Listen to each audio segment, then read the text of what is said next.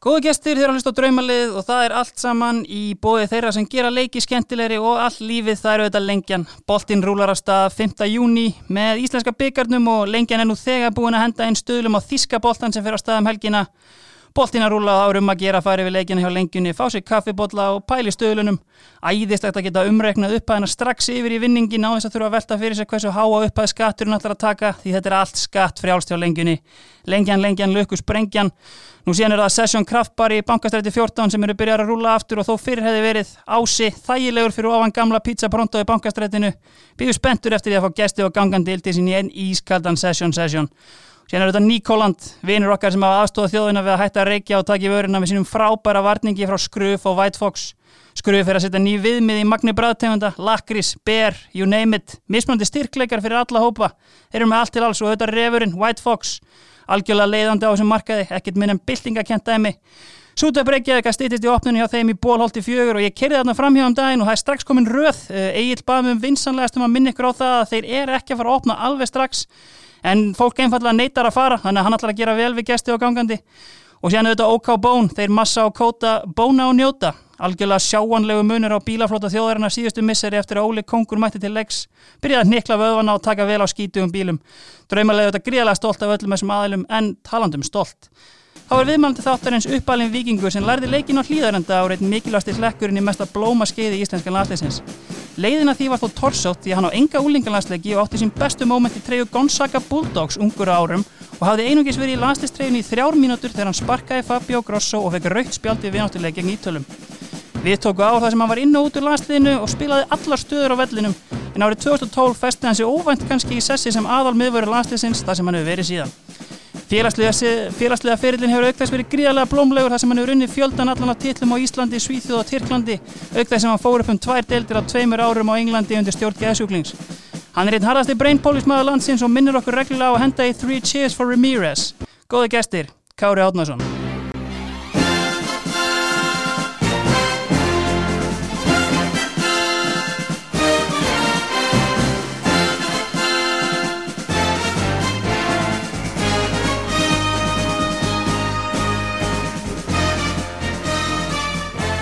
Blessaði.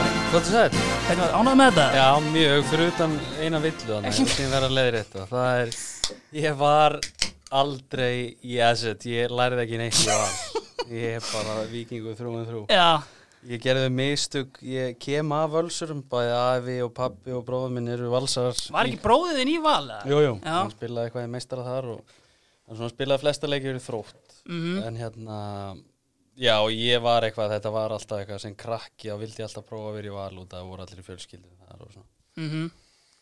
en gerðu mistök að fara á eldra ári í þriðja og var komin aftur þegar tímabili byrjaði á yngra ári í öðrum þannig að þetta var, þetta voru einhver Stutt mánuðir, já. Já, þetta er samt, þetta er oft hérna, sko, maður, ég fatta þetta ekkert fyrir en að ég, ég tjekkaði mynd á þessu á sko KSI, að ef maður fyrir félagskipta fyrirliðin, þá sér maður bara að þú ferð úr vali í viking, sko, þannig að hérna, Já, við hugsaðum okkur gott í glóðurinnar valsarar hérna, en já, það er eins og það er. Já. Herðu, uh, Kári, við byrjum þetta á uh, komin áðan, við erum í bóði Session Kraftbar, mönnunum sem hafa breytt bjórleiknum á Íslandi. Uh, svona auðvitað upplega marga búningsklefa og kannski alvöru stemmingu, England og Skotlandi. Hvað er svona, hverju voru svona virkastir í að halda móralskan? Kannski svona smá blöytasta liði sem þú varst í. Blautasta lið var örgulega Plymouth mitt fyrsta lið í hérna í Englandi myndi ég segja Já. en þú veist, þetta er, þetta er svolítið öðru í þessi er, það er alltaf grúpa sem eru annarkvæmt blöytir eða single eða whatever Mm. og þeir eru bara að fara út það er öllum bóðið að sjálfsögðu þeir sem vilja koma með koma með en þetta er bara svona grúpa af gæjum sem fara alltaf saman Mhm. og hérna þetta er og svo er svona eitt árlegt partí sem, Er það the Christmas do? þarna? já það er Christmas do og það er svona skildumæting í það Já, en hvernig, þú veist, meina þetta er auðvitað frækt hvernig Arsene Wenger mætti í enska boltan og bylti öllu og útrýmdi Tuesday Clubs og annað. Lifir þetta góðu lífi hérna í neðri dildinu með þá? uh, já já, gerir það, Já. 100% það er alltaf það ég sko ég var náttúrulega ekkert í stæstu klúbunum í Englandi, ég væri í Plymouth og Rotherham. Og þó að liðin væru góð lið þannig sé og ég menna flesti sem voru í Plymouth liðinu hafa einhvern tíðan spilað í úrvalstild eftir það. Mm og ég meina eitt gæði sem var bara inn og út úr hann bara lánaði til möldu eða eitthvað. Endaði sem dýrasti leikmaður Evertón áður en Gilvi að kipta Já, já, þannig að veist, það voru hellingur á góðum leikmönnum hana mm en, en og já, já, sumir blöytar en aðri en hérna, ég myndi segja, veist, það var skemmtilegast í róðram og þá var ég svona alvöru komin inn í þetta en það var líka helviti gaman í blimma sko. algjörlega. Sko ég fekk til að velja hérna draumaliðið þitt og hérna, þú gerði mér eiginlega mikinn greiða þegar þú tilkynnti mér að einfaldast hefði örugglega verið að velja íslenska lagsliðið en, en þú hugsaði þetta aðeins dýbra en það fyrir mig. Já, það er náttúrulega, það gefur auðvitað leið, að, að hann að bara bæði skemmtanagildi og, og fótbollalega sé þá hefði bara verið mjög einfalt að, að velja þetta bara basically byrjanlið hjá Íslandi síðastliðin tíu árið eða svo Einmitt. bara hann er sem marki og Korli frammi og, og allt, allt svo leiðis en hérna það er það er kannski frekar þreytt sammála því. Herri, byrjum þá bara hérna á uh, markmanninum. Marki sem komið til greina þar? Þeir eru náttúrulega margir stórfurleir eins og hérna oftu framkomið bara í svona fótballspjalli Já. en, hérna já þeir eru skemmtilegi margir en, en þetta er svona bara geðsjúkur maður sko, bara algjörlega fjölskyldu maður á börn og eitthvað og, en var alltaf fjölskyldan hans bjó í London og hann svona flakkaði á milli liða. Já, ég spilaði nú með honum frekar stutt sko. Já, bara einhverja nokkra mánu út að hann var eiginlega bara eh, liðinu. Eftir að hann kom með hérna svona DFD-disk þá var hann komin á bekkin sko. Að standa sig eitthvað fannst þjárleganum og kom með DFD-diskin á borð til til hérna mannsessins með öllum mistökum hins markmann og það fjall í grítan og hann láti einn svona já, bóla út eftir það já, þetta er þess að Graham Stack. Uh, hann hérna uh, spilaði þetta hérna rulli í Invincibles liðinu með Ólaf Inga skúla sinni hjá, hjá Arsenal en hérna, einmitt eins og það segir ég svona, þeir voru að kafi í þetta en absolute nutter, er það Já. ekki svolítið lýsingina? Jú, hann er, jú, hann er svolítið tjúlaður sko, en rosa góðu gæi og svo kynnist ég hann þegar betur þegar förum báði til Skotland svo svipum tíma, þá var hann að spila fyrir Hips og ég Já. fyrir Aberdeen. Mm Ég var svolítið í Edinborg ofta hitta Gulla Viktor sem var, spilaði þá líka fyrir Hips -hmm. og eitti svolítið tíma með honum þetta er hrigalega skemmtilegu náungi en Mm þegar hann fæði sér í glas þá getur bara allt gest sko. það er bara það er, það er understatement En ég veist, ég fór aðeins að hérna, kafi þetta og þetta eru kannski ekkert svona, hérna, þetta eru kannski ekkert svona, kannski ekki mi- auðvitað garða gresja, kannski markmannslega, hérna, frá ferlinum.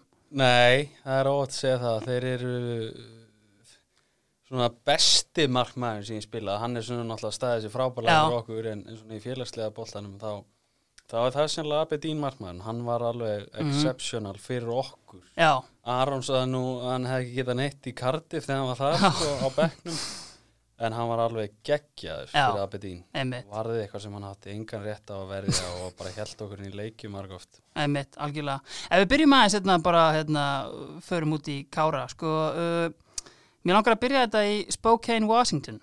Uh, þú ert þar í, hérna, tvö ár hjá The Great Einar Þórarensson. Sko, þetta er svona múf í dag, þetta er svona guttlara múf svolítið Já, í dag. Sko, varstu guttlari á svona fyrstu árunum eða, þú veist, svona, var atvinnum einsku draumar og eitthvað svona eða varstu kannski bara í þessum pælingum?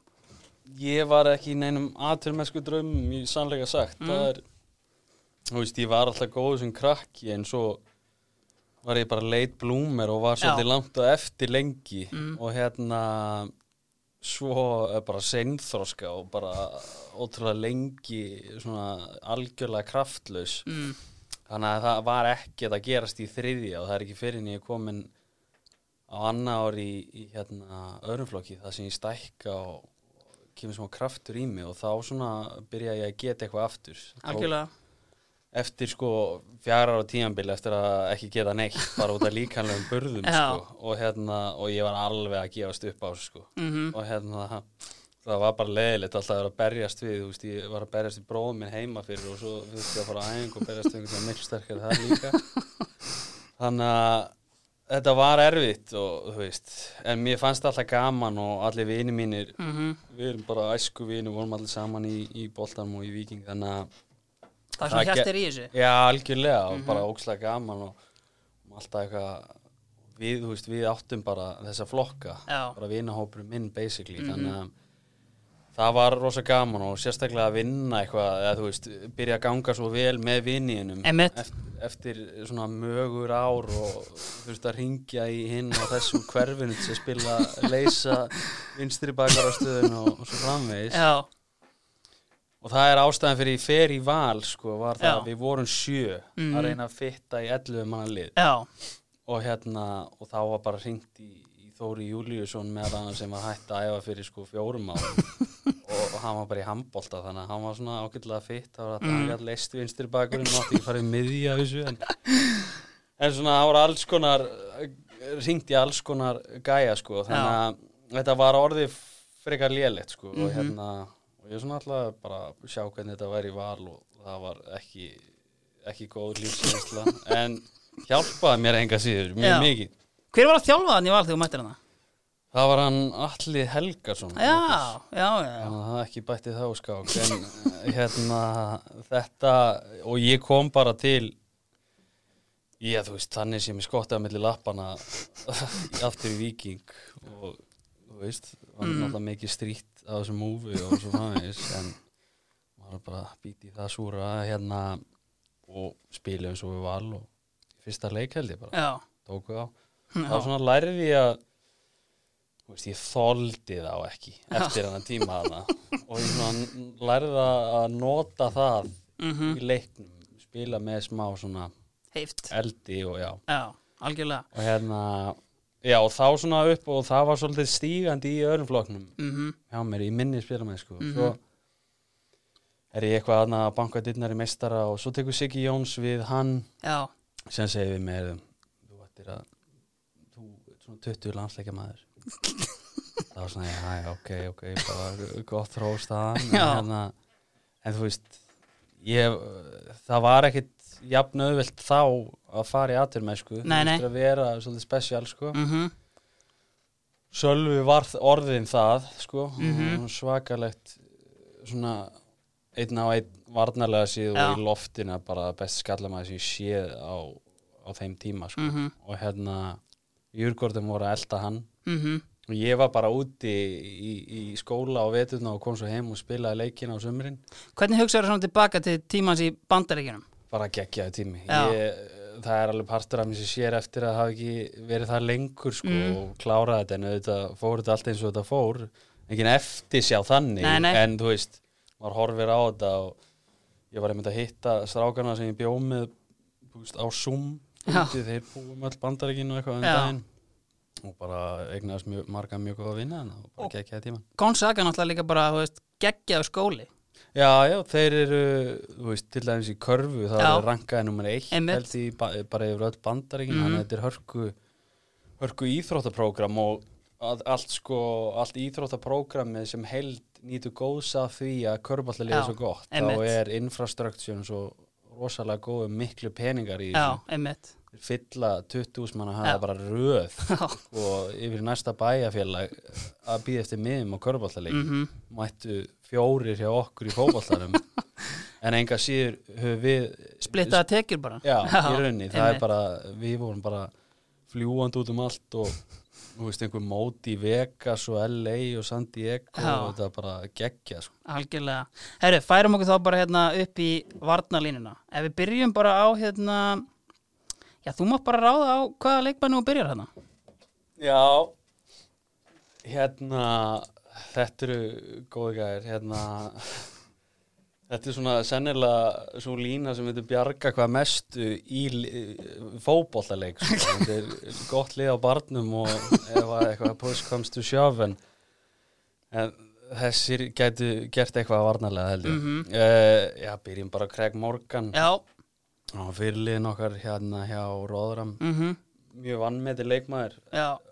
spilaði eitthvað aðeins fyrir velska landslið alveg granítarður, ógeðslega líkanlega sterkur og hérna þú horfir á hann bara, þá sérðu bara hann er bara berða með sér að vera fyrirlið þó hann sé kannski ekkit mest vókal gæinn, Já. þá er hann svona leads by example. Já, algjörlega, og bara lítur út fyrir það fyrirlið Já. bara með skegg sem nær upp á augum og er svona man's man sko, Oft- stórgerður. oft talað um hann sem svona upprunalega Captain Morganin í fótboltaheiminum. Já, já, og hérna hann var hann var alltaf, hann sá svona um slagsmáli í þessu ennsku deild. Þetta var ekkit grín sko, náttúrulega Mm. lík tvö byrjun þar. Já, og hann sko, ég gæti að unni menn í loftinu svona eða þurfti eitthvað að hoppa og tímasetja en Já. oft lendur bara í svona í baráttu. Já. þú bara Haldið stendur og- bara og er bara svona slást að meðan boltin er að koma og í þessu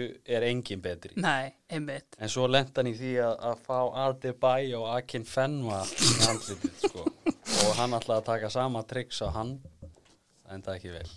Hvernig, þú veist, fegstu hann einhvern tíðan í fangið? Akin Fenvaða það? Já, já. Er það, ekki bara, lífsreynsla bara? Jú, jú. Það getur farið í allar áttir, sko. Hann leita náttúrulega bara að þér og einmitt reynir þetta, sko, Já. hvert skipti. En triksið er bara að halda eins langt frá hann taka bara flugbreyt á hann, sko.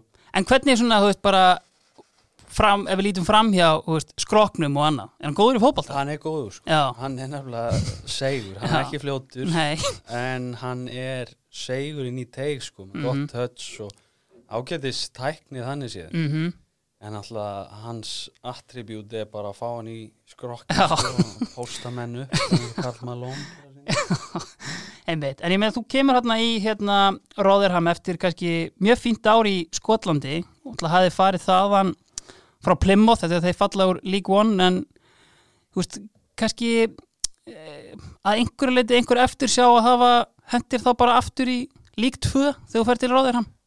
alls ekki, svona eftir á ekki er þetta glórulust sko, kjössanlega glórulust uh, en málega það að Aberdeen sísoni hafa mér skiptist í tvo helminga. Já, fyrir partun þá var ég bara að spila með besta fókvalla mhm, og það var alveg einhver move svona á sjóndeldarhingnum í kringum áramótin. Mhm, og þá átti ég að fara til Rangers og allt mögulegt en það gerðist aldrei neitt. Þannig Mhm. ég var svona eitthvað hálf pyrraður á umbósmannum að, geta ekki þeir gerir bara eins á samning. Já, já, svo voru þeir að Aberdeen að reyna að endur semja þeim mig og, og hérna og eitthvað svona. Mhm, En þessi deild var í smá hnignun.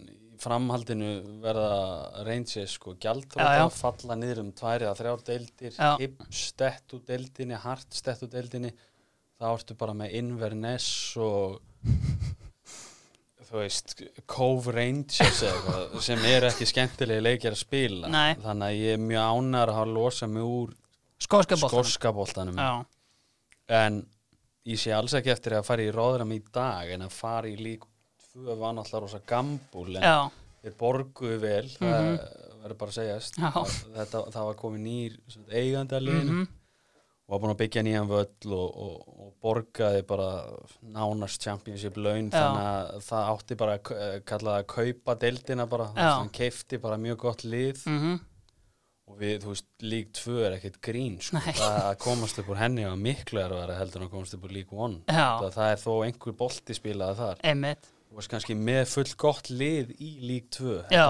þetta, er bara barátta Mhm. mm -hmm. vellinir er lélegir, boltin er í loftinu dómanin dæmir ekki neitt þetta er bara svona barátta en að heimaðalli voru heldur góður að þú veist, það var góðu völlur og við gáðum spila aðeins New York Stadium Já, ekki það að Steve Evans vildi spila en það var svona, það var hægt á Já. köflum sko. Einmitt, herru, færum okkur þá bara yfir í hérna hina hafsendana, þetta er þryggja manna lína uh, Hver er næstur? Herru, það er Raggi sig ég, það, eins og ég sagði á hann það er ekkert mála að velja bara all lið en ég get ekki sleppt Ragga út úr Þú- bara- Er, þú ert með einmitt sko á Íslandi, þetta eru svona iconic duendar, þetta er Hallu og Latti, Ötti og Sveppi og Kári og Raggi. Sko, þú veist, hérna, þegar maður svona pælir í þessu, ég meina, þetta er kannski hérna 2012 fyrir hérna, eða sérst, fyrir hérna HM 2014 sem þið spilið kannski hérna fyrsta leiki, mikið debat um einmitt, þú veist, út með Sölva, þig og Ragga, þú veist, og maður svona sér ykkur bara í dag sko, þú veist, inn á vellinum og annað þú veist, svona þegar maður horfir á leikina þú veist, þeir lúki bara eins og bestu vinir og eitthvað annað. Þú veist, var þetta svona eitthvað samband til áður en koma að þessu? Voru þið, þú veist, góði fellar þannig séð eða var þetta bara eitthvað smallin á vellinum? Í, sko við þekktumst voða lítið og Raggi áður en Lars tekur við Já. út að ég var búinn að vera í útleð hann í einhver 3-5 ár. Og hann var svona veist, ekki að nenna þessu þá og, og hérna spilaði, var í hæri bakverði og allt mögulegt. Já. en við náðum einu leik saman sko, þar sem hann var í hæri bakverði og ég í hafsend með Sölva. Já, það var einhver svona gimme five leikur á móti kýpur og þá var ég búin að standa mig vel fyrir Plymouth Mhm. í Champ og hérna og hann svona, þetta var bara málamiðlun það var eitthvað búið að skrifa um það í fjölmila Já, já. kannski eftir Kára að fá sjens að spila hafsend og Mhm. svona hann eitthvað tók mér bara inn, leikunum var ekki síndun einstað, vissi engin hvað er í gangi við heldum nullinu já, Við heldum þess að Raggi hafi hætt fljótlega hann, þú veist, hann er alltaf engin hæri bakur Nei. og hann getur örugglega leist það ef, hann- leggur sér fram við það að, að hérna, hann vildi bara spila hafsend og, og Óli Jó er að þjála þarna. Já, já, og ég held að bögga hann svolítið að hann tók mig bara inn þú veist. Bara út af fjölmjöla fóri og annað. Já, og já, ég fekk að spila hennar leiki hafsend en Raggi þurfti að spila hann í já, þannig að við hættum svona svipa leiti bara eila mm, og svo komum við inn veist, þetta var mín fyrstu kynna ragga þannig laga sko. hann var, náttúrulega, hann döllut yngri þannig að hann var svona kom kannski eitthvað inn aðeins fyrir en, en, en hérna bara sem krakki þannig já, já, sko. einmitt. Uh, en síðan kynnistu bara í rauninni í gegnum sölva. Já, þegar við erum allir kallaðar aftur inn undir Lars. Mhm, og hérna, já ég held að það staðið til alltaf að spila Ragg og Sölva, þeir voru náttúrulega saman í FCK og já, já. Ég held að það var mjög erfið ákvörðun fyrir Lars og heimi á þessum tíma að ákveða. En ég sko í sannleika sagt þá var Sölvi bara hann var ekki að eiga sína bestu daga hérna í landslýsvikunni lýting upp að þessum já, og þá er ákvörðun þeir eru eitthvað að spáði að spila þryggja hafsenda kerfi og eitthvað sem hefur verið gaman að prófa sko. Mhm, en svo tekur hann bara safety option spila með fjármannavörð já, og ég held að það bara verið út að Sölvi var ekki on þessa Já. vikuna að hann valdi mig. Síðan alltaf einmitt hjálpar það valla sko sölva þar að segja að í næsta leika múti kýpur þá er þú mittur er það ekki Jú. og hann var rautspjald Já. þannig að þá er þetta eiginlega bara komið já, já. já.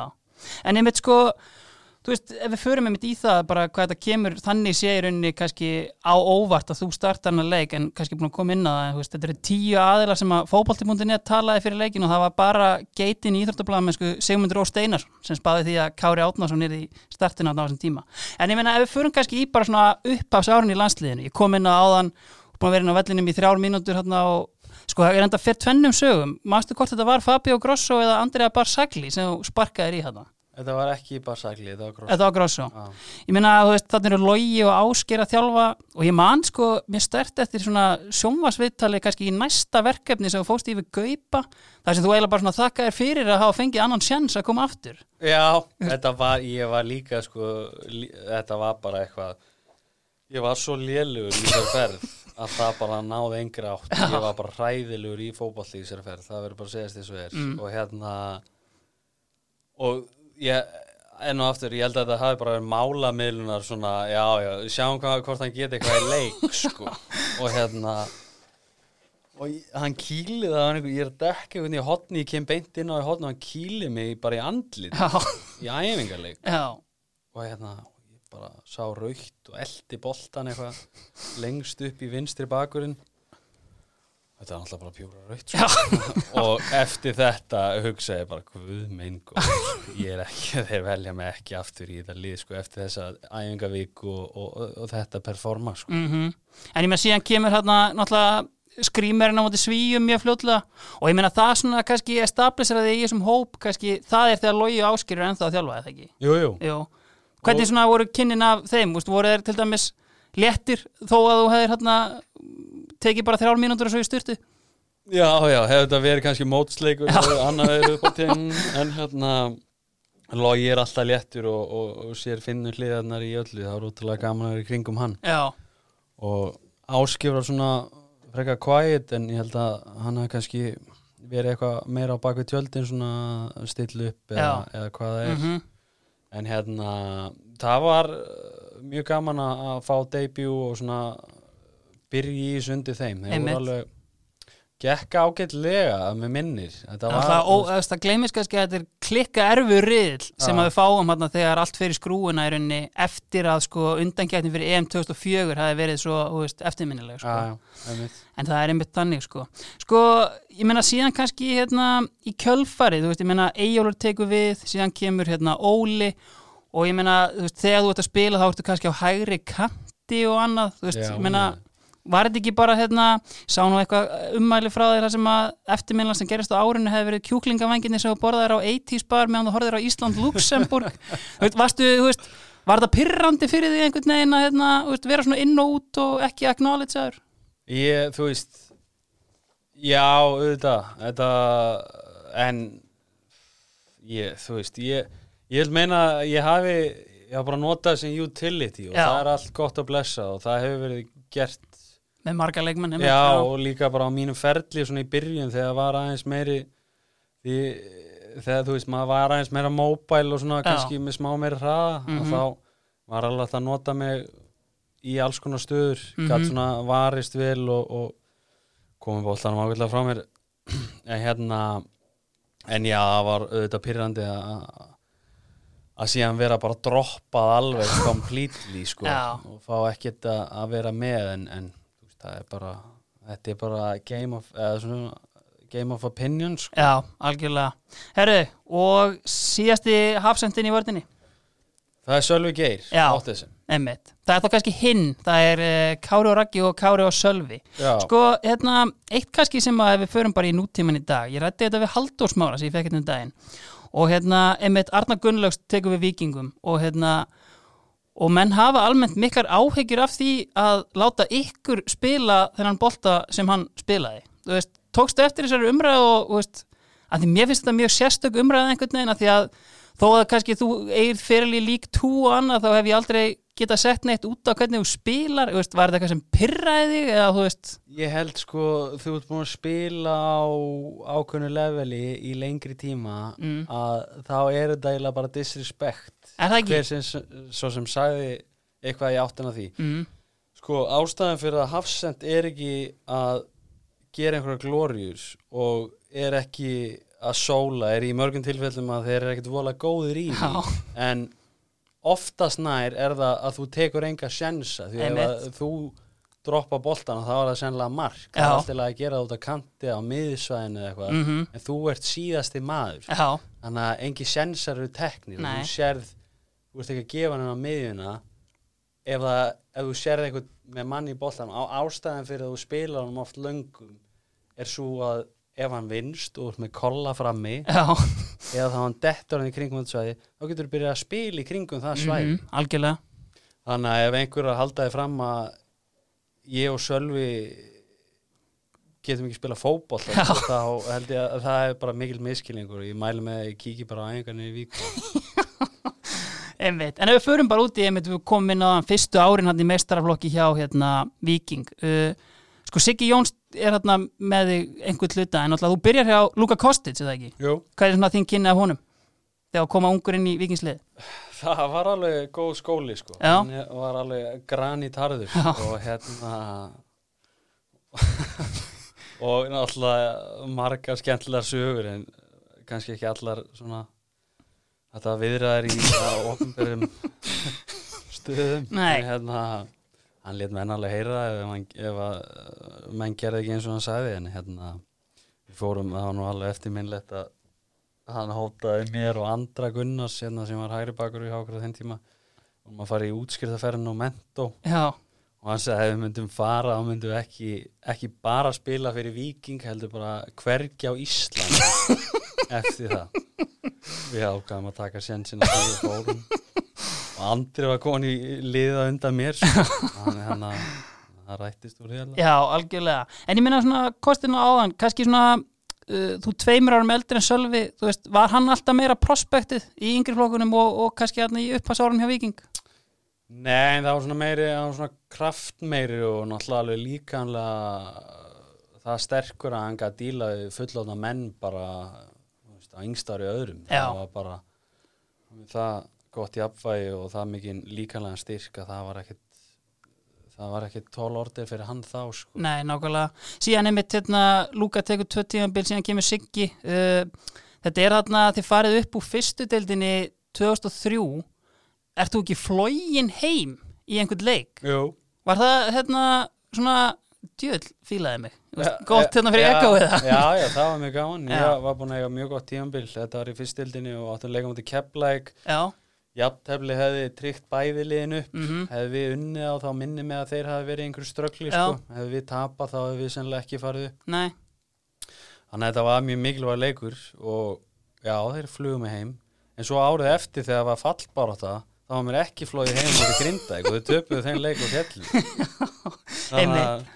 En einmitt þarna árið eftir kemur hérna annar hafsend inn í hérna lið, uh, Richard Keogh sem á síðan meir bara flottan feril með Darby. Feril, Já, þangað til kannski hann aðeins fór út á sporinu.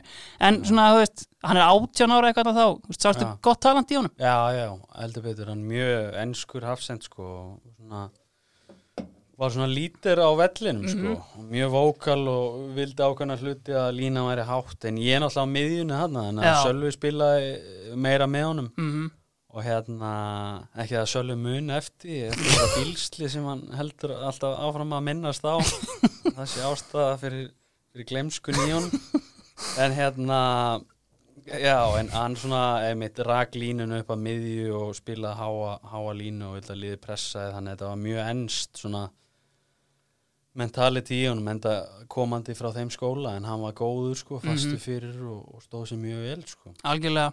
Ég er ekki að hæfa stíga aðeins til jarðar og minka spænuna í stúdíuna aðeins og fara í bóði minna manna í Súta Breykjavík sem er að breyta jakkafættaleiknum í þann svona verst klætta sem að þú hefur séð í búningsklefa á ferlinum. Er einhver svona sem að, hérna, kannski einmitt til dæmis bara í íslenska landsliðinu, er einhver sem að færa reglulega að heyra það? Ég fæ svolítið að heyra það en það er, þið vilja meina ég sé alltaf í sömu fötunum. Já. en hérna, það er ekki rétt. Ég var bara margar útgáður að sama dressi en hérna nei, ég, þú veist, mér dettur ekkit í hug þeir eru nokkur hérna svolítið jólasögunlegir Jóndaðir alveg upp þær sko. Já, Viðar Örn, það er það, Jesus selfisingarnir. Já, Já, sennilega. Klálega Algjörlega. Vökin er hana, nummer eitt Það kemur ekki annað til. Herru, færum okkur þá hérna upp á miðjuna. Uh, kannski ekki stærstu nöfnið, þannig að ég átti kannski erfileikum með að stilla þessu upp, en hvar viltu byrja svona hérna í þessu?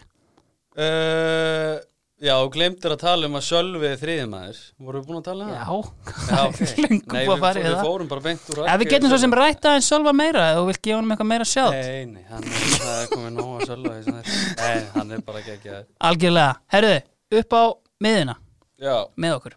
þá er uh, Kannski út á kanti, annarkur kanturinn. Já, Ben Pringul er, Já, er hérna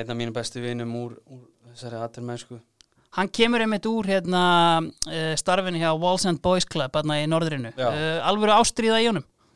Nei, alls ekki uh, Getur ekki beðið eftir sumafríðin Við erum alltaf svona countdown app á símanum sem telur niður dagana eftir að tíðanbíl uh, Engin ástriða en var helviti góður og bara geggju típa Já. Rauðþarur, alveg eldrauðþarur Já. og þú veist að hann alltaf rauðþarur með stríkt bara eins og ég veit ekki hvað í Englandi. Hann vildi meina að hann var mentally toughest man in England. Það gæti ekkert brotið hann niður lengur. Ekki eins og Steve Evans og hann var bara not a care in the world. Þetta var bara geggjaði gæi. Og skemmtilegu en svona kannski af kantmann að vera, þú veist, ertu með þarna í lík 2 og lík 1 og síðan alltaf Championship, þú veist, yðna kantmaður eða hérna, mikil gæði já, hann var með alveg geggjaðan fót Mm. geggjaðan vinstri fót og enda að vera en engan hraða og ekkert power sko, en bara hann var keiftur í fullam. Því að þeir voru í einhverju svona moneyball dæmi Já. og statistik keiftur leikmenn út frá henni. Og hérna keifta hann út af því að hann setti flesta krossa inn í teg, af öllum í deildinni.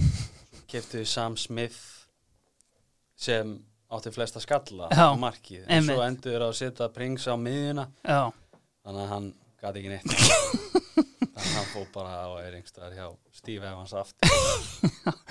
En með við fyrir mútið kannski hérna aðra kantmenn, búin að snerta á honum en uh, kongóska kvelletan Jannik Bolassi, Já. hann var með þér hann í Plymouth. Já, ég meina eins og kannski kost inn á uh, eitthvað þú sást kannski ekki endilega fyrir að hann er því þarna dýrasti leikmaður í Everton á tímabili eða? Nei, ég kallaði einu svona Peter Reed að taka hann út af sko, hann var það slakur. Hann bara, þetta var algjörlega hit and miss, hann svona gat verið alveg geggjaður gat verið hörmulugur. En þú veist það var, hann er svona þetta er svona sérstakur leikmaður að horfa á að því að maður einhvern veginn svona hann virkar klaufskur einhvern veginn með boltan en samt oft tekur hann bara, lítur hann út eins og Ronaldinho kannski hann á kantinu, var þetta einmitt svolítið þannig bara?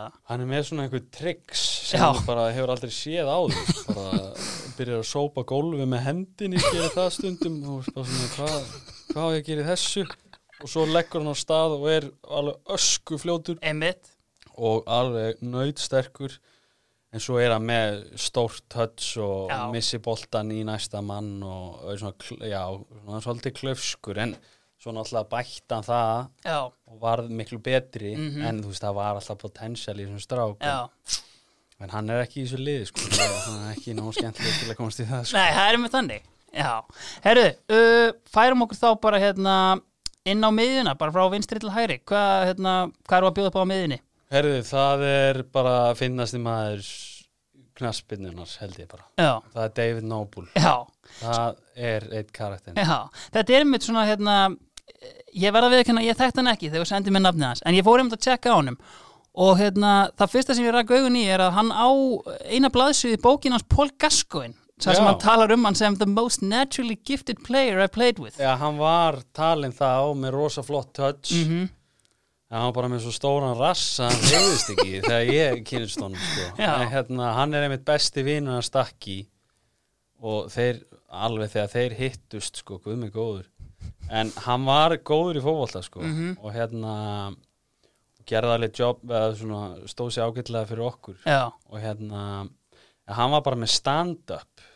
Bara á hverju mótni þá hann komist í kast við lögin og var í einhverju community service alltaf á mótnana ára að mætta aðeingu og var að hugsa um einhverju hænsn og kaninur og svona anskota og hann, þú veist, hann var bara ég mæli með að hann er í einhverju podcasti sem ég heyrði um daginn. Já, með Jimmy Bullard, hérna, Magic Sponge. Sponge heita þar sem hann er bara fenginn inn til að segja sögur og hann er þekktu fyrir að vera fyndin sko, þetta er ógæðslega Algjörlega. Sko, ef við förum þetta með David Noble, sko, eftir tíman hjá Róður, hann ferðið þetta til Malmö, kom nánar inn á það eftir. En svona þarna í kringum með Malmö EM 2016, það sem að, hérna, það sem er yfirleitt loða við stórmóti fótbolta er að í kjölfærið á þeim, uh, ef þú spilaðir ágætlega, þá tvöfaldar er launiðin og hérna, nýr samningur hjá miklu betra liði og ég meina íslenska þjóðin var nánast bara brjáluð yfir því að Raggi fær ekki Liverpool og Kolli í Real Madrid Já, og svona maður fekk lítið að heyra kannski af fréttum, en var, þú veist, fannst þú bara í gegnum agentin aukin áhuga á sjálfu þér eftir mótið? sko, já þú, ég var náttúrulega komin á svolítið aldur, þú veist, og ég hefði átt nóg eftir, þá ertu alltaf settur nokkurn veginn í sama hatt Brakketin, já. já, bara, þú veist, aldursbrakketin já, ok, þeir vita í rauninni ekkit um þið, þeir vita ekkit hvað átt mikið eftir Já. þannig að það eru vola fáir að fara að taka út sjens á 32 ára manni. Einmitt. það er bara ef maður hefði hugsað kannski sem eitthvað short term fix hjá einhverju, góðu liði. Mm en þa þannig að þú endar á kannski fara að leita einhverju money move til, veist, Abu Dhabi eða whatever. Og það var alveg í kortunum en svo kikkaði Ramadan inn og maður heyrði ekkert meira. Ég var bara tilbúin í það það, það gerist ekki og svo það var einhver lið í Hollandi og eitthvað -hmm. en Malmö vildi ekki sleppa mér þannig að þannig að ég var eftir þar sem var sem alveg fínt sko en þeir síðan tóku þetta bara sem sæna ég vildi fara Já, og fundi bara replacement Einmitt. á hræðilegu tímasetningu já. Þannig að þetta svona var ekki alveg nóg gott Þetta er einmitt sko að þú kemur inn á það, því að þetta er þarna, þið verið meistarar 2016 í Svíþjóð og ég meina þú orðin þarna 34 ára, veist, kannski sást fyrir þið bara að klára fyrirlin þess vegna með Malmö Algjörlega og, og okkur leið fjölskyldinu rosa vel hana Mm. og hérna bara geggja staður og gott lið og bara góð stemming í, Mhm. í klefanum og skellir að missa vökina hana eftir, eftir hálft ár Já, en þegar þú mókar inn mörgum það var alltaf einhver sem vill þig sko. en hérna þannig að var, þetta var frábær klefi og allt það en ég er svo sem feina að hafa sloppið við þann manager sem tók við þessu það var alveg bara hrikalegt. Sem var hver aftur? Magnús Persson. Alveg rétt, já, já, já. Og ég meina, hann kemur þarna inn er það ekki? Og í rauninni það er kannski bara, veist, um leið og hann mæti nánast, það var þetta bara búið fyrir kára. Já, í raunni sko. Og ég veit ekki alveg hver pælingi var og við vorum með strákana Magnús Eikrem Já, einmitt, sem, honum var bara sipað líka já ég meina hann settur í var, fristikistuna hann var ekki bara valin besti maður sko, hérna besti miðum, hann var valin besti maður deildarinn Já. sko, hann, ég held að hann hafi lagt upp 14 af 15 mörgum sem við að skoraði Já. á þessu hálfa tímanbili Mm. mm. og hérna við að með eina stóðsendingu by the way en hérna þannig að hann var bara settur í fristikistuna líka og Mm. þetta var allt mjög sérkennlegt það er eins og hann vildi bara búa til sitt eigi liðið eða eitthvað, það en þetta er einmitt hérna og kemur inn á Magnús Wolf Eikrem sem var náttúrulega hjá Master United í Akademínu þar og svona, þú veist, mikið prospect Solskjær fær hann síðan til Cardiff sem gengur ekki, en þú veist maður kannski lesið svolítið light-hearted fyrir svona fótbolta heiminn en þú veist, hver var þín kynni á honum? Og bara gæðarlega síðan Það frábær náungi og, og, og hérna við vorum góði vinnir þegar ég var að spila þarna Mhm. hérna bara þvílitt talent sko. Hann Já. alltaf átti ekkert í ennskapolta ekki neitt, Nei, hann var ekki með nægan hraða eða power í það. Mhm, þannig að veist, það kom mér ekkert óvart og hann er svona heimakær. Þeir, þessi skandinavar eru ótrúlega oft, ég ætla nú ekki að alhæfa um þá en það er svona nettur aumingaskapur í þeim stundum sko, þeir eru komin út fyrir landsteinna svona comfort zone og hérna og vilja bara fjara heim og hérna ég held að það hafa nú alveg spila eitthvað inn í þetta líka en, en gríðalega talentið í fótballta og, svaka svaka fót, bæði skotfót Mm. og fyrirgjafir og auka fyrir sendingum og allt mögulegt sko og var frábær fyrir okkur þetta tíma algjörlega Herru, hver er síðan næsturinn á miðinni? Herðu, hvern valdi ég aftur inn á miðsvæðið? Var það Mikki og Connor eða? Já, hann er hérna Já, Já, það er annar ég var í, já, þú veist það var, það er hann önnu típa. Hann var í norðuríska landsliðinu. Já, ótrúlega fyndi gæi og hann var svona smá gypsy í honum sko. Já, hérna og einmitt fann sopin ekki leðilur og mætti einhvern heim úr landsliðsverkefni handleiksbrotin og hérna það var ekkert þú veist Hafði hann ekkert með æfinguna að gera. spilað eða neitt, sko. Og bara handleiksbrotin og Big Fat Steve spurði hann uh, hvað gerist? Þá sagðist hann að dottu um vassbrúsa því var bara tekið gild.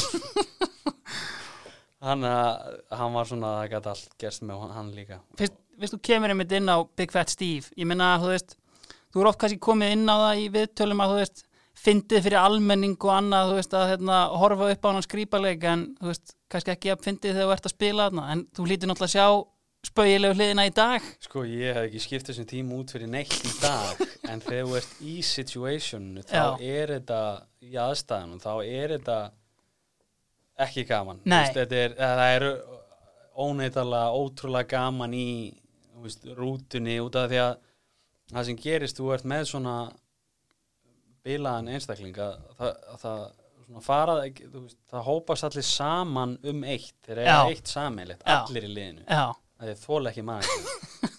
Þannig að hann verður svona miðpuntur aðtegli og miðpuntur svona allra brandara. Já, og veist, hlutinni sem hann gerði voru kostulegi líka skilu, hann var, það var rör tengt úr vaskinum, skrifstofan hans var hliðin á búnusklefunum okkar. Mm, og það var rör tengt pípulagnar í Englandi eru ofta ekki upp á marga fiska.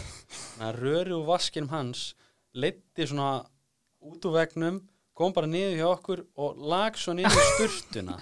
Og þú sást bara rörið allar leið var ekkert í vegnum með hann nei. Og fór bara niðurfalli í sturtunni. Mm, þannig að hann var ofta seinastur heim eitthvað að þykjast vera að skáta leikmenn að gera eitthvað taktikli Já, og alltaf áður hann fór heim þá þá nefndi hann ekki að mjög að þú veist taka og lappa eitthvað á klósettið þannig að meg bara í vask og þetta lag náttúrulega inn í sturtuna hjá okkur. Þannig að alltaf þegar við komum á mótna þá tók á mótið er svona stale piss líkt Ég meina, þú veist, þú kemur inn á það, veist, ég meina bara svona aðstæðan í veist, ég meina kannski peningar laður í þetta, en þú veist, kannski hvernig alltaf bara þetta, þú veist þetta hljómar ekki eins og geggjaðu klefi þegar þetta er tengt hérna á milli menn var þetta bara einhver skúr eða? Nei, það var eitthvað gama, gamall það var golföllur á vellinum Já. og við fengum bara einhverja aðstöðu sem þeir leiðu af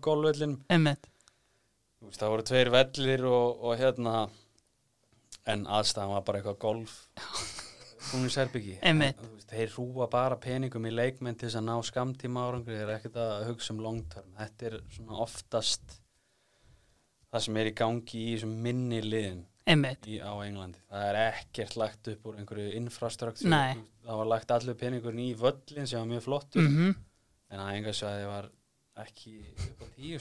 Nei, en einmitt síðan kannski talar, kom, kom inn á það sko að hérna Evans er þarna og í rauninni það mun enginn taka á hann back to back promotion. En, Nei, nei. en hérna en það er þá, hann achievar það með því að enginn þólir hann, þú veist, ég meina er, er einhver svona managerial pæling hjá honum? Eða þú veist, er hann bara full on trúður? Hann er þú veist, hann vill hann tekur enga sjensa. Hann vill bara negla honum upp í hot sko. En ef að þið tókst að gera eitthvað tókst að spila honum út og það gekk mm þá er hann, þú veist, þá er hann ekkert að eipi við, en ef það klikkar Já, eins og það er, ef þú gefur á miðmann og miðmann missir boltan já og eitthvað gerist upp úr því þá var hann ekki ánæða sko. Hva, Hvað svona mesti trillingurinn sem þú sást frá honum?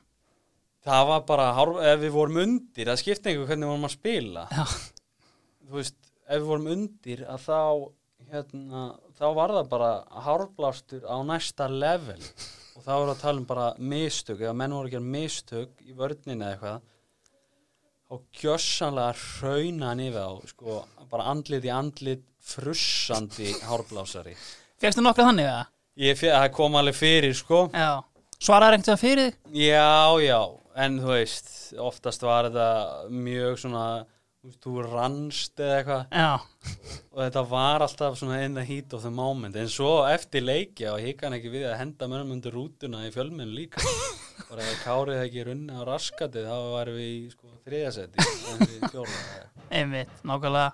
Sko við komum inn á hérna Wolf Eikrem áðan. Annar maður sem spilaði með í Skandinavíu í Jörgården eða hann kannski spilaði sennilega ekki mikið en Jesper Blomqvist Já, hann kom hérna í Jörgården eða ekki? Jú, jú. Hann kannski hefur mest verið á sjúkrabætanum þegar þú varst þarna eða? Já, hann var bara á sjúkar, ég held að hann hafi spilað tvo leiki. Já, og hérna, það, voru margar hetjur hann Mattias Jónsson Já. kynntist ég betur heldur en honum. Mm, hann var alveg geggjutýpa já, álur gæi sko. Og hérna með álur work ethic hann kemur heim frekar snemma á ferlinu bara Já. 31 tveggja Mhm. myndi ég halda. Og var góðu gæi sko. Já. En einmitt, ef ég hérna sem United maður byggði um að kafa hans í Blomqvist. Var hann hérna, ég hlustast á einmitt einhver podcast og viðtöl við hann. Hann lúkar svona og hljómar eins og algjör svíi, er hann hérna, var hann prímadonna eða? Alls ekki, hann var mjög down to earth og svona nice guy sko. Mhm. uh, og ég man bara eftir hann var ekkert að æfa finnis og þá sá maður að gæin var á öðru leveli heldur en restina liðinu. Þó við höfum verið mjög gott lið. Einmitt þá var hann bara, veist þetta, hann neldi þessu bara í hotni með hæru og vinstri hvert einu skipti. Já, geggjaður. Herru, uh, við erum vantilega með einn annan á miðjunni. Já, Já, sko ég var alveg temptið að setja Íbrahim Ba bara út að hann var svo geggju stjarna Já. þegar hann kom í Júrgårdin mhm, og ég var með Sölva þarna á, í Júrgårdin á sama tíma og Íbrahim Ba kemur. Já. frá Milan já, í Júrgårdin en hann kemur hann inn og er bara geggjaður þú veist, ekki fótbolta ekki, eh, alls ekki en bara geggju típa. Hann egnaðist bara Stokkólm já, á þessu stutta tíma sem hann var hann bara, eftir tvo mánu var hann bara running show. Og hérna og bara við fórum fram fyrir alla raðir og hann tók okkur svolítið að sér svona, þú veist. Já, Já. og fórum, þú veist, við áttum engan penning til að gera eitt eða neitt. Og hérna, og hann bara splæsti á allt og fór með okkur einhverja klúpa sem voru inn í einhverjum skói svona réttur utan svíþögg, geðvegt prestigious eitthvað. Gennum eldhúsið eins og við værim í andura sko, og þetta var bara, við vorum bara með stjörnunar í augunum sko. Einmitt. Íbrahim Bami mitt sko þekktastu fyrir að hafa vunnið náttúrulega með Dennis Rodman lúkið, aflitað hári og svona. Já, já. en sko eins og ég fann viðtal við það sem að hérna, já við þig og Sölva sem að er reynda líka svona prófitin af eitthvað tekin í gegnum Íbrahim Ba það sem þú í rauninni sagðir að hann væri sko einmitt eins og kemur inn á ekki ekki kannski geggjaður í fótbolta en kannski á bara hálri löppinni að spila þarna eitthvað.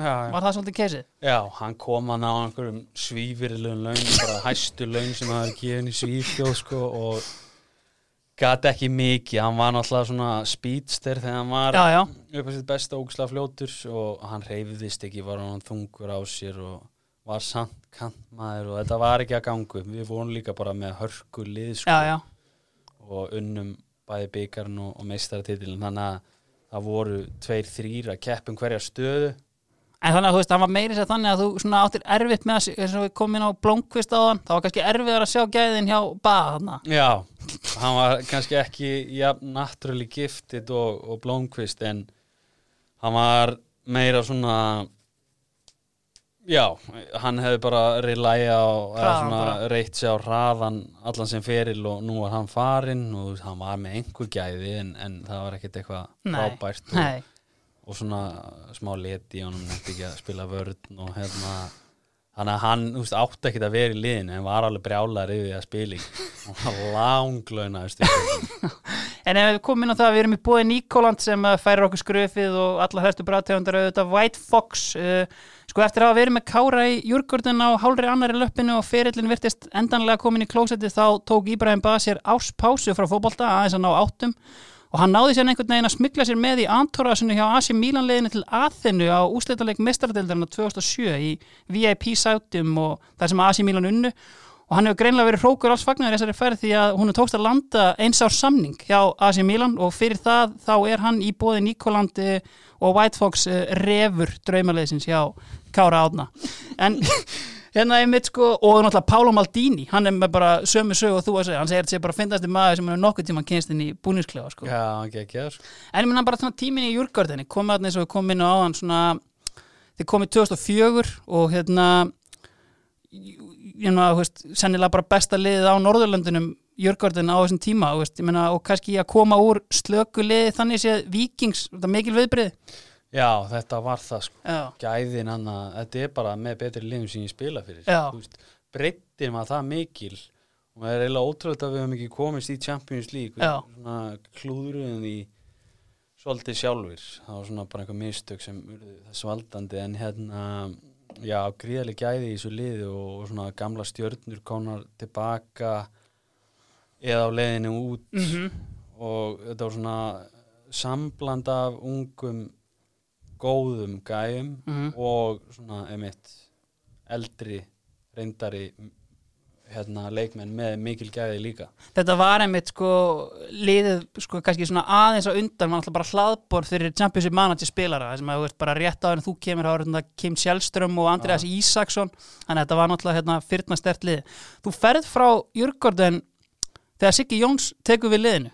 Já, það var svolítið ég var eiginlega bara búin að ákveða mig en maður hefði kannski átt að að sitja það af sér og, og prófa þetta en ég var svona, þú veist, þetta var leiðilegt lið. Þetta Já. var, þetta var eiginlega of gott lið til að taka fyrsta múf til Já, skulum segja.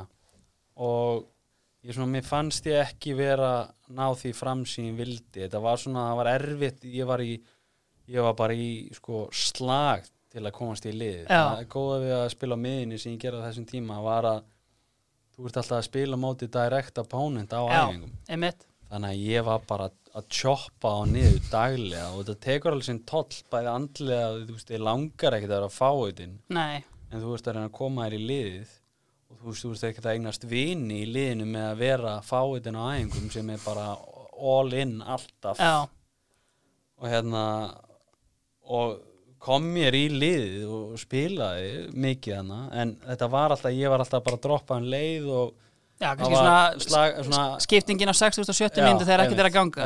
já, under par performance, það var engin þólimaði fyrir því sko. Nei, þannig ég var svona þú veist alltaf að vera á A-game til að halda mig í liðin sem er svo sem fínt sko en kannski á þessum aldri og þreitandi til lengdar. já, Já. þreytan til lengdar og, og þú veist, og svo, þú veist, það var ekki góð stemming í þessu liði, þetta var ekki málið sko, þannig Nei. að ég var svona bara orðin, fannst það leiðilegt og, að breyta til Þá ferði til Danmerkur sem er kannski svona, er þetta lægsti svona punkturinn á, á þínum ferli einhvern veginn þarna hjá AGF og Esbjörg? Já, ég átti tvö góð ár hjá AGF Já. og var með sama þjálfran allan tíman og hérna spilaði ágætlega ekkert eitthvað frábært sko Mm. en, en þú veist bara fínt en svo fer ég til að kemur eitthvað gimpaðna inn í tekum við, sko við erum bara að signa, sigla að ligna sjó Mhm. og hérna erum miðadeild bara í einhverjum róleitum. Og þá vilja þeir fara að breyta til og, og spila einhvern svona svaka svaka samba bolta. Já, og telja Uwe Pedersen ekki capable að stjórna því þegar Já. hann var búinn að byggja þetta lið upp sko alveg frá grunni eftir að þið fjallu og eitthvað. Og búinn að koma upp með þetta bara á tveim árum Þú náttúrulega kemur, er það ekki þegar þeir eru að promóta? eða hvað? Já, jú. og hérna og þetta er náttúrulega einna stærri klúbbum í Danmörku en það er eitthvað rótið epli aðna, það er eitthvað sem er að hjá þessum klúbbi og ég náði einhvern veginn aldrei að setja fingur á að hvað það væri en potensialið sem liði hefur og, og svona árangurinn en það er einmitt ákvarðan eins og þetta ok, Já. við erum hérna að stabilisera okkur byrjum að því, svo getum við fara að taka næstu skref hérna, Mm. en við þurfum að styrkja liðið og þá er sóttur Erik the Wizard já, sem er ekki þinn maður eða? Erik Rasmussen og bara á sko bara það gekk ekki upp.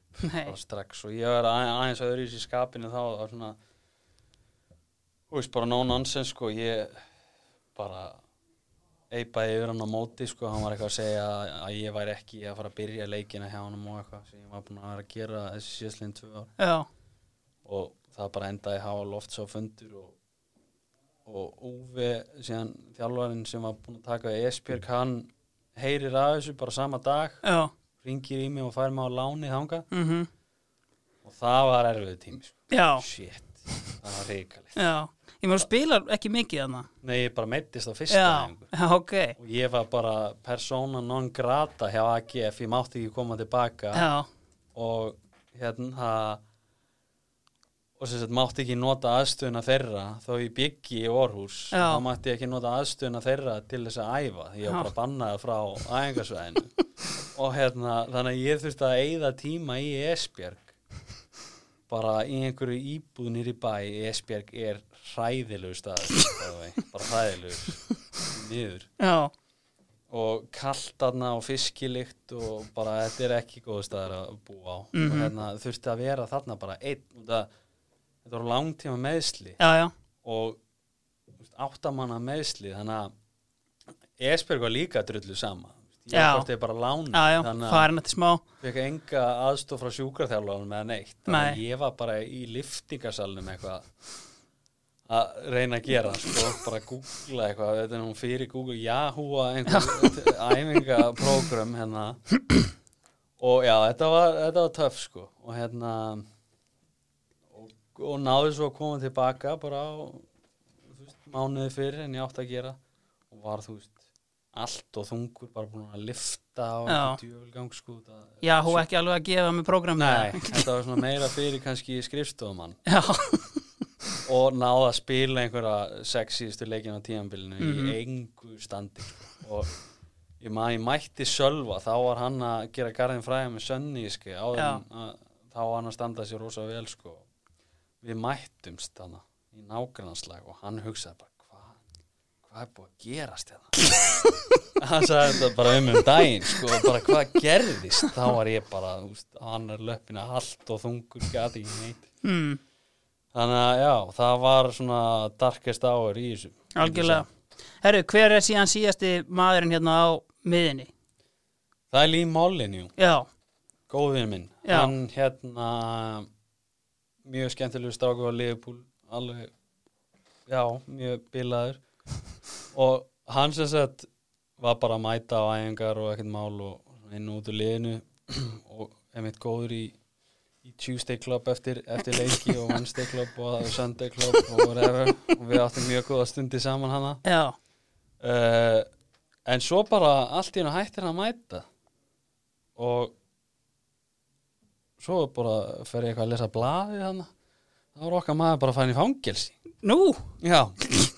Þá hafði hann farið upp til Liverpool og hérna lendi í einhverjum útistöðum og hérna á djamminu og, og bara enda með sko einhverja líkansar og svo tilhörnum til mandráps á bakinum hann sparkaði í einhvern veginn eitthvað, eitthvað sem hann sagði manni aldrei sko. nei, og ég sá ekki í farans að hann væri með sko í sér. Nei. en hérna hann var með það svo sannarlega og, og þurfti að sitja þrjú ár sem gerði það að verkum að fótbolta fyrir hans endaði bara. En Já. hann var rosa efnilegur mhm, vinstri fótamaður sem var hjá Everton og einmitt. fór svo til Southampton og svona var promising eins og bara fjaraði út. Já skiljanlega þegar menn taka þrjú ár hérna off. Já, já, Herðu, en ég meina, þetta er hjá Plymouth uh, þaðan ferðu náttúrulega, ef kemur þaðan uh, sagt, frá Esbjörg hérna, allt og þungur á annari löppinni þú veist, og þarna verður að hafsend, eða ekki?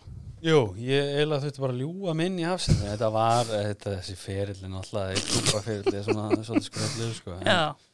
Ég hérna ég fó bara í einhverja skemmtiferð með vinið mínum Andra og Einari til Einar félagi minn bjó í LA á þeim tíma. Já, ég fó með Andra sem var eins og áður kom fram bak, eða hæri bakur hjá okkur í Viking já, og æsku vinnur, við förum til Einars bara í einhverja villisferð og, þá ringir umbósmaðurinn í mig og segir að hvort ég áhuga að fara á træjal mm, og ég eitthvað, já en þá var ég alveg búin að spila einhverja landsleiki og mhm, ég vissi ekki alveg hvernig þetta virkaði. Hérna, og svo bara, já, ég skal fara en það verður að vera einhver áhugi smá áhugi til staðar, ég nenni ekki að fara bara sem eitthvað nömti sem er búin að spila í Skandinavíu og já, renna blind í sjóin sko. Að, veist, ég á landsleiki en á 20 okkar landsleiki mm Mhm. það lítur að telja til einhvers. Ekki að Ísland hafi hátt skrifað þessum tíma en hérna og hann segi já já ekkert mál. Og sendi mig að, og ég eitthvað er ekki menna skó? En ég fæ lána skóna hans andra með gata á tanni. Hann dregur alltaf vinstri löpun eftir sér. Og hérna og mæti hana. Og þeir hafa ekki hugmyndum hver ég er, sko ekki glóru bara Andy King heitin sem var chief scout þá, já, hann var bara já, ok, hérna klættið þið bara. Hver ertu? Og hérna þá er Pól Störrok búin að læna upp bara öllum símtölum sem hann fekk um sumarið í þetta træjar og það eru 90 manns hana já allir reyna að sanna sig vantilega allir reyna að sanna sig og hann skipti bara í þrjú lið eitthvað, þú veist ja, ekki 90 manns, það voru Já. 30 manns Já. og skiptir hana í, í þrjú lið og, Mm. og það spila bara svo satt, bara eins og turneringa á æfingu sko. en samt í hálftíma já, hvert skipti mm, það er bara spurt hvaða stöðu þú spila já, engin, engin svona portfólio um Nei, þig eða? engin strukt bara spila, já ég er hægri bak þú voru þú veist, tíu sem segðust við að spila nú með tíu bestur í tíunni Já Og þetta var bara skrýpaleikur sko. Þetta var bara En ég náða að skora eitthvað og, og svona aðeins svona throw my weight around hana. Þannig að Pól Storra bara singula mig út og kip mig til hlið og spyr hvort ég geti eftir í viku í viðbútt mm Varstu eini maður sem fekk áframaldandi Já. Já, ok. Og, og já, eftir að hafa spilað þarna einn hálfleik og hérna algjörlega unfit bara beint úr einhverju LA Vegas ferð sko. Og hérna og já og, og ég geri það og, og fæ að æfa með aðliðinu hann og þeir endur í sjötta sæti eða nei, sjönda, áttunda sæti í championship ára áður þannig að þetta var hörkur lið. Já, já, svo átti ég að fara næst til Norwich sem voru þá í League One. Já, en þetta endar allt með því að ég spila einhvern leik einhvern aðeingarleik með aðliðinu og, og hann býði með samning bara þrjusu samning og, eða þrjusu samning, fína samning. Mhm.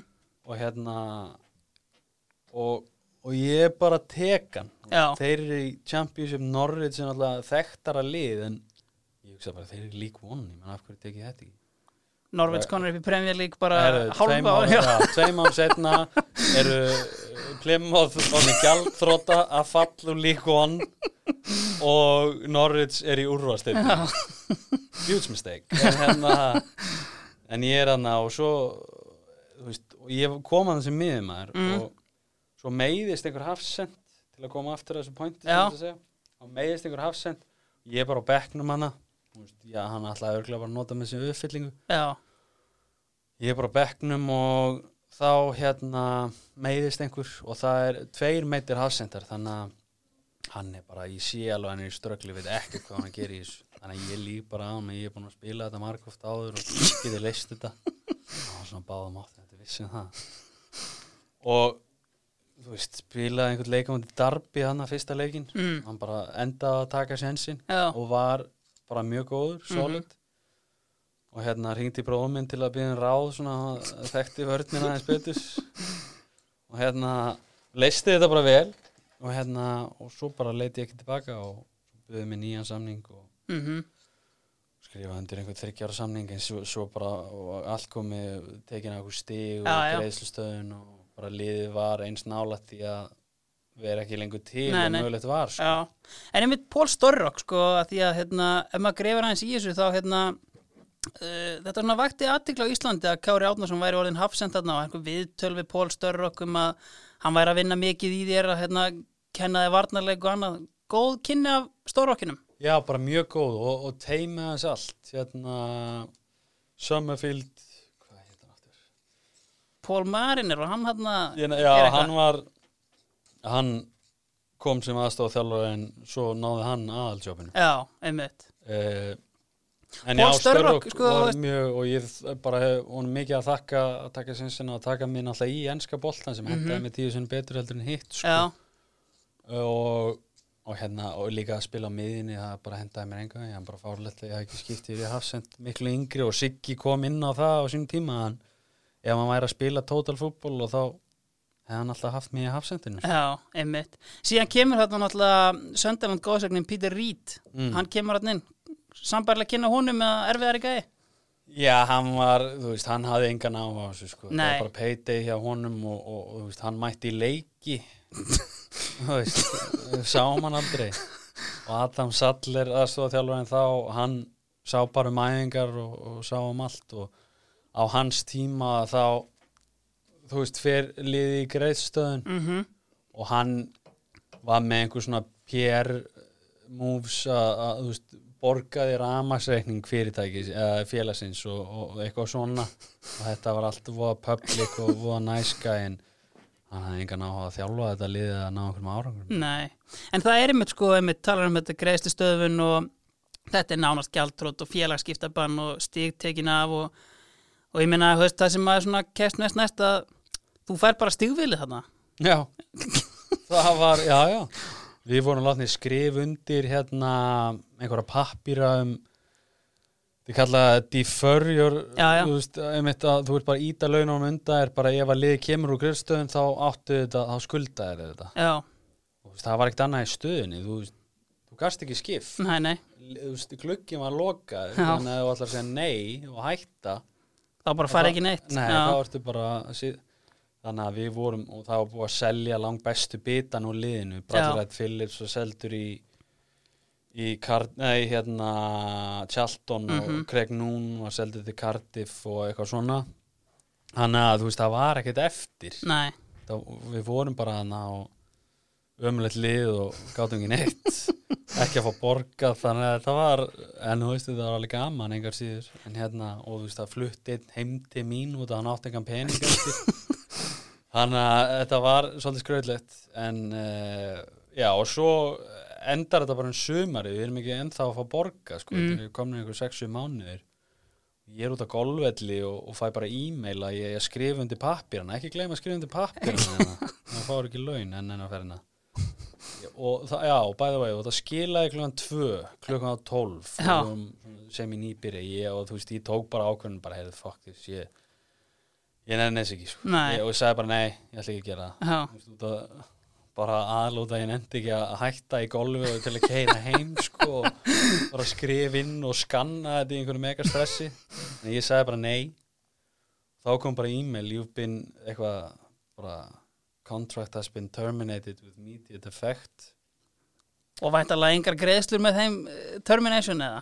Nei, sko, það er náttúrulega bara ólöglegt. Já, já. Þú veist, það, það er ekkert í samningunum sem segir að þú verðir að skrifa undir eitthvað ef að liðið er hérna bara í greiðslustöðun í, í ár. Mm En ég sagði bara nei og þeir ráku mig sem er já. þannig að þetta endaði bara sem þú veist, ekki court case en þú veist, það var bara gögnin voru bara sett fram Mhm. og hérna, þetta er bara unlawful Já, já. og hérna þetta endaði bara með að þeir skulduðu mér bæði það sem að þeir hérna átt, borguðu ekki í þessu sjö mánuði pluss þetta eina ár sem ég átti eftir að samningnum. Já, en þetta er einmitt sko, þú ert náttúrulega með í hérna Bretlandi og Englandi, veist, þessi sterku leikmannasamtök, fjekkst þennan pening á endanum? Sko, leikmannsamtökinu er ekki einn sterk og menn halda. Nú, það er margt gott hjá þeim en þú veist uh, uh, þetta var algjörlega glóðlaus hvernig þeir stóðu við bakið á okkur. Já, eina í rauninni sem þeir gerðu var að þeir veitt okkur lán sem sagt sem við gæst tekið út af því að ef að klúbunum myndi fara alla leið í, í hérna bara í gjaldþrótt að þá myndir þú fá láni gefins en liði kemur út on the other side Þá þeir borga. verður þú að borga með vöxt. Þannig að, að veist, en, en auðvitað tekur þann sjens já, já, veist bara til að, ok, það var alltaf eitthvað upp í þetta. En hérna en þeir voru, ráðleikingarna frá þeim voru bara misvísandi og þetta var allt einhvern veginn, þetta var bara svona eitthvað mumbo jumbo hjá þeim. Þetta eru mörgum tilfellum bara einhverjir ex-fótballamenn sem eru konur í voða þægilega stuð og viti í rauninni ekkert hvað er að tala um. Og það skein svolítið í gegn að þeir voru ekkert þeir hafa aldrei lendi í þessu áður. Út af Nei. að oftast er þetta kannski stærri lið sem það er pottitt kaupandi að fara að pikka og Já, já. klim og það var svona ástæðan við, við fengum ekki greitt er að administratorinn sem kom inn hann hafði bara ekki trú á því að einhver myndi kaupa lið þannig að hann var ekki tilbúin að funda þetta úr sínum megin vas nei, einmitt, þó að hann hefði fengið það tilbaka með vöxtum frá kaupandan algjörlega. Herru, kannski annar, hérna, en við förum sóknarlínuna, spila náttúrulega hérna í uh, Gensler með hérna Stefan Sessenjón, Já, Premier League legend. já Hvernig voru svona kynnin á honum hann í Tyrklandi? Hann var í herbygginu við hliðin á mér og við- við gistum alltaf að einhver sæðin og eitthvað svona. Já, Þetta er bara sérsta deyntak, mjög, sagði ekki mikið og hagaði sér svolítið eins og stórstjarnar sko. Já, og svo bárust út einhverja fréttir að hann skuldaði peninga til einhverja liðsfélag á Englandi og og hérna já, fít gæi sko en, en það var alveg oft lykt á honum á, á mótnana sko. Og og hérna þannig að ég veit ekki hversu alvarlega hann tók en, en, en sko bara náttúrulega bara specimen sko. Já. Hann- ógeðslega fljótur Mhm. ennþá og sterkur góður í fótbolta sko Mhm. helviti góður algjörlega. Herru, förum þá upp í hérna framlínuna. Uh, þú mátt bara ráða á hvornum þú byrjar hérna, tveir frammi. uh, hverju þetta aftur? já, heyrðu, já hérna, það er sko, það er náttúrulega ég hefði getað valið bara góða vini mína Íslendinga í Já. allt sko Mm veist, og á miðjunni var Gulli Viktor alveg contender sem bara vera eins og í rauninni litli bróða minn sko.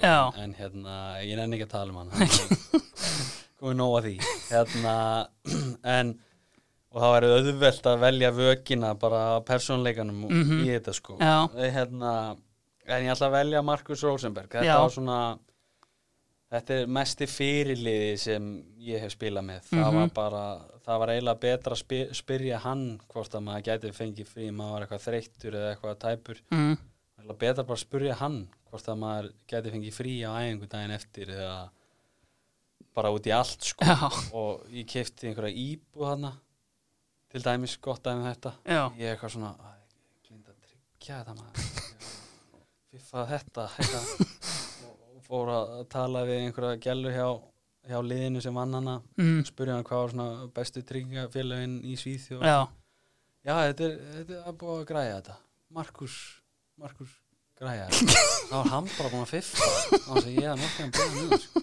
alls konar svona. Já, og bara, já, góð típa með svona sense fyrir right and wrong og Mhm. hérna bara já, helviti magnaði fyrirlið að spila með þetta er einmitt, þú veist, hann átti successful fyrir með Ajax og Werder Bremen í Európu og, og ég meina eins og segir, veist, kannski eftir svona nýjasta útspili hjá Slatan, er hann kongurinn í Malmö eða? Já, Já. 100% hann var það sko fyrir Já, kemur ekkert óvart að kemur stitta honum hann eftir, eftir að heima skori niður bara. þannig að já, já, kemur ekkert óvart og þetta er svona successful gæi, mjög klár náðungi Mhm. bara, já ekki spurning sko. en síðan einmitt sko, þú kemur hann til Malmö, uh, kannski það highlight í þessu er náttúrulega reylakeppnin í Champions League sem þó er kannski ekki endilega, hefði kannski verið betur spiluð kannski. Já, ég meina við lendum alltaf í dauða riðli þegar við erum búin að fara í frekar erfið að leið að komast í Já. Champions League sko unnum hann að Celtic sem voru með hörku lið Van Dijk var meðal hans í liðinu Já, já. og fleiri góði og Salzburg, Red Bull Mane fór áruna áður þannig að Mhm. þetta, veist, þetta var rosa lið Já. sem við unnum til þess að komast í Champions League svo Mhm. er dreigið í riðlana og þá farðu Real Madrid, Paris Saint-Germain með Zlatan og Cavani og Di Maria og alla þá og Shakhtar Donetsk sem bara eitt greiðir einn hæstu launin í evróska bóttanum sko. bara einhverju brassar út um geggja í fótbolta.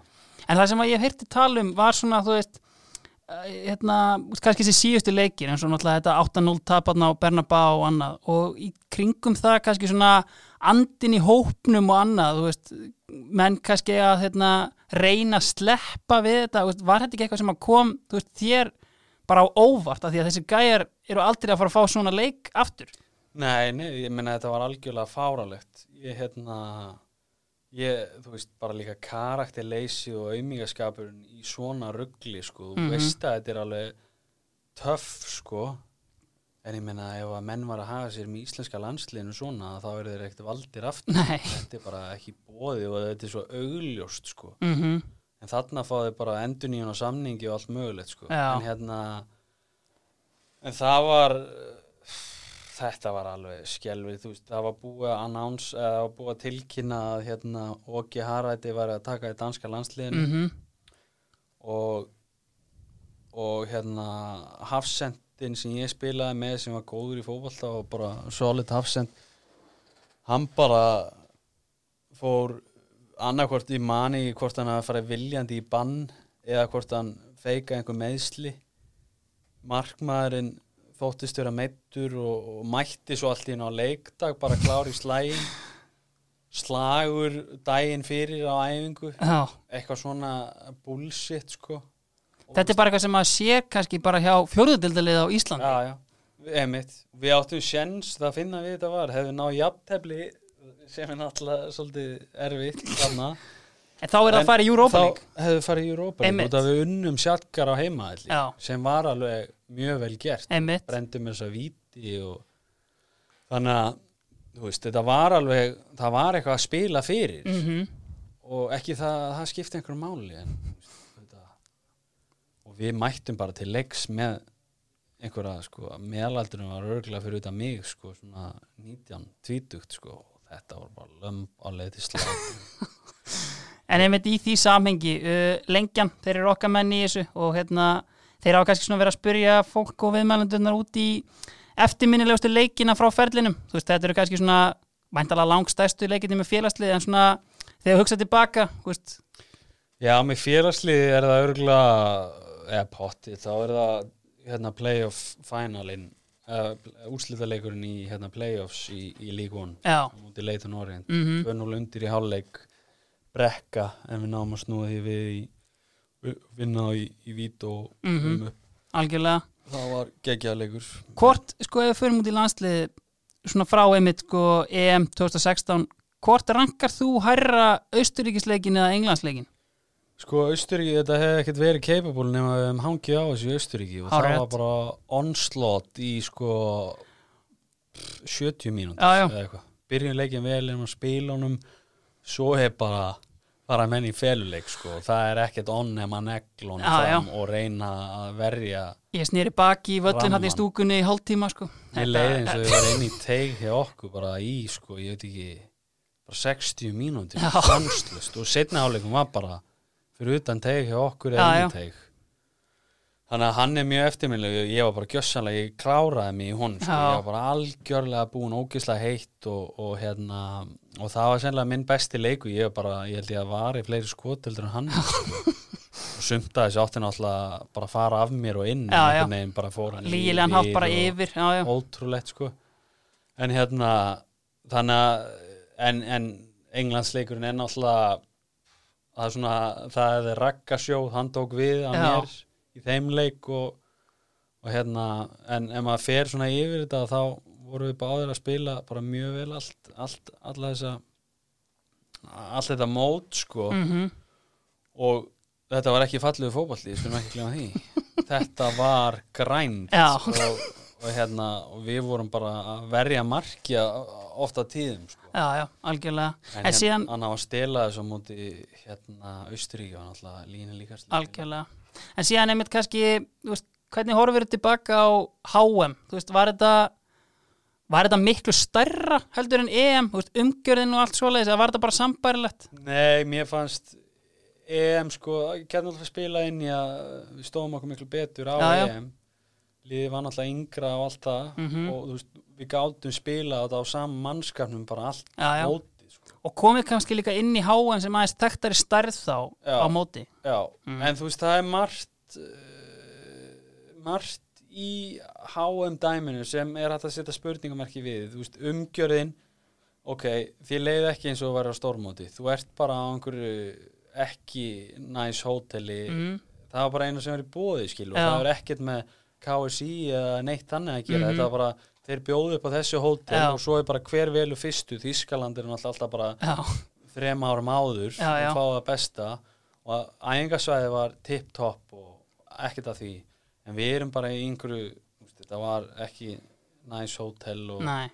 við erum bara með einhverjum túristum hana. Og meðan á hérna á EM þá erum við bara eini með eitthvað lítið hótel upp í einhverju taki nánast yfir eitthvað þorp þarna. Já, Já. það var bara geggjustemming og með allt til alls Mhm. og, og, og, og svo framvegis. En, og hérna en HM þá ertu bara svona þá er þetta eins og hvað annað landsinsverkefni ert bara hóteli með einhverju öðru liði og mm einhvern matsal það er sem að maturinn alveg geggjaður á HM og, og hérna kokkurinn á bara allt róskilið en hún var bara að bæta á sig hana. Three En- cheers fyrir kokkin Já. og hérna hann hinni kokkur geggjaði sko. En hérna en, en þú veist og svo er líka svona sem að pyrra sig á eftir á svona eitthvað taktist sem hefði mátt fara betur Mhm. svo, þú veist að sem, sem fótbolta maður pyrra maður sig á því. Mm Þú veist, það var Gilvi og Aron voru þeir voru tæpir. Já, já, og aða búin að meittir og þú veist, voru kannski ekki í sínu besta formi þannig að við spilum með fjara manna miðju á móti gríðarlega fysikal sterku og fitt lið í Nígeríu. Já, já það er eins og það sé ákveði vann, eða veist, ég veit ekki hvort það er vannmat en hvort að við, ef við bara keiri yfir veist og það, það var búið að ganga vel á móti Argentínu með fimmana vör- eh, miðju sko og vitandi það að við erum að spila á móti svona athletic já að þetta ekki miðan að gekk vel í fyrir áleika átti skota markið og við vorum alveg hættulegi þannig. En svo í setni áleik þá eru bara liðið búið að gasa og þetta tekur rosa mikið á að hérna spila svona Já, hérna á móti alltaf þremur þannig að það verður erfitt setni áleik og þetta opnast allt. Mm þeir skora og svo veist, hefði maður vilja sjá kolla. Já, algjörlega. Ég vilja sjá, þú veist, e þó það hefði ekki verið nema bara síðustu mínu á móti Króatíu mm þú ert með Albert sem er bara kjúklingur, hann er spilað hann var bara í varaliðin í PSV PSVF og þú veist, frábær fóðlamæður en ekkert klár í þetta þessi Nei. stíð málið, þetta er fyrstu alveg leikindi sem hann spilar, Já. er á HM Já, það er saman hversu góður hann á eftir að vera að þá er kolli maðurinn í þetta verkefni að berjast við og þeir eru sko tve, tvekja metra hafsendar. Já. og við erum þekkti fyrir að reyna að koma boltanum inn teig. Já. Þannig að þetta var einmitt mikið debatt náttúrulega og veist, þú er alltaf tekið kolla með þó hann hefði nánast ekkert spilað þarna. Bara fimm mínútur Já, tekur hann með samt sko. Algjörlega. Herru, hver er loka liðinu? Hinn strækjarinn hinn strækjarinn er svona hann og Ben Pringle eru mínu besti vinnur eftir en hann langa feril. Já. það er Matt Arbisir Já, kannski svona aðeins underwhelming karriér á Englandi svona með við að þegar hann fer til Blackburn 17 ára þá er United á eftir honum.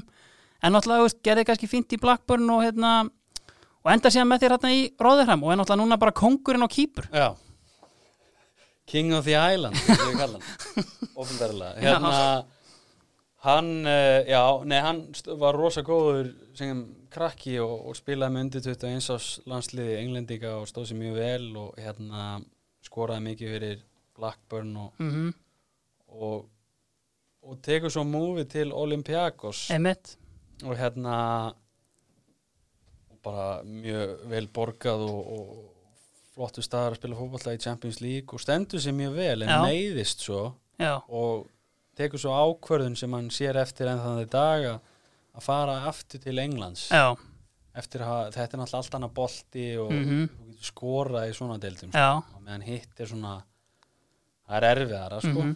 Þetta er einmitt sko, ef maður horfir á hann fyrir því að englendingar er ekkert mikið að fara fyrir utan England, en þú sér þarna gæja sem fyrir einmitt til Greiklands, spila vel og síðan bara svona einmitt dútlar hann hérna með Já. Rotherham og Nottingham Forest held ég eitthvað Ja, svo leiðis Birmingham, Já, Blackpool, hann er búin að fara út um allt sko. en síðan einmitt finnur hann sinn stað þarna á eigunni Var hann kannski svona maðurinn sem að fekk því hérna til kýpur? Já, í runni, þetta var ég hafði option að fara til hérna Ísrael.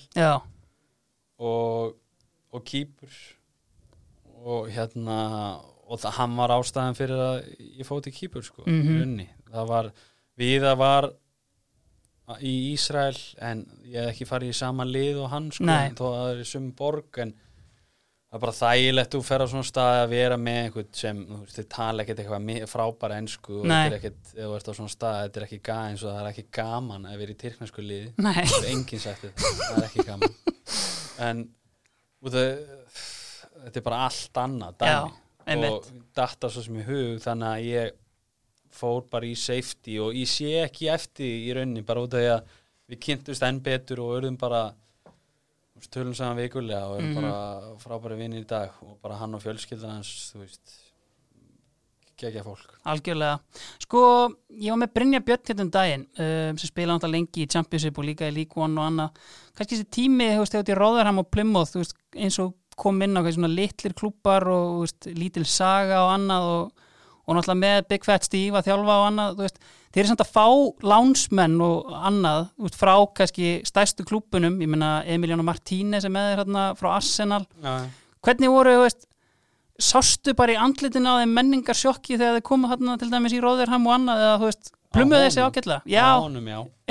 Bara, hann ræk bara upp stóru auður bara, það var bara, herru, velkomi kalling hvað er alltaf að sitja?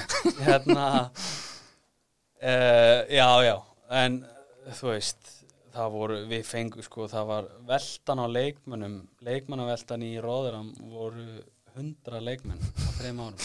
Já, no jokes já, það bara, ég held að rétt tæplega hundrað. Það var ótrúlegt, ég fór yfir þetta bara Já. nafn fyrir nafn já, bara til að telja þetta.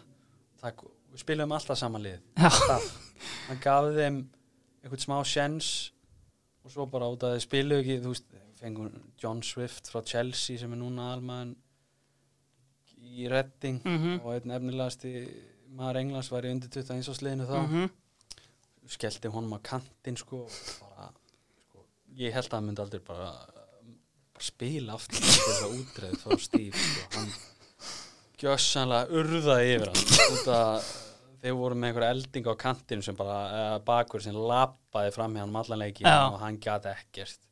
Tók hann út í háluleik og sko kendi honum um að það var meitt 0 það er bara skelvelu leikmaður.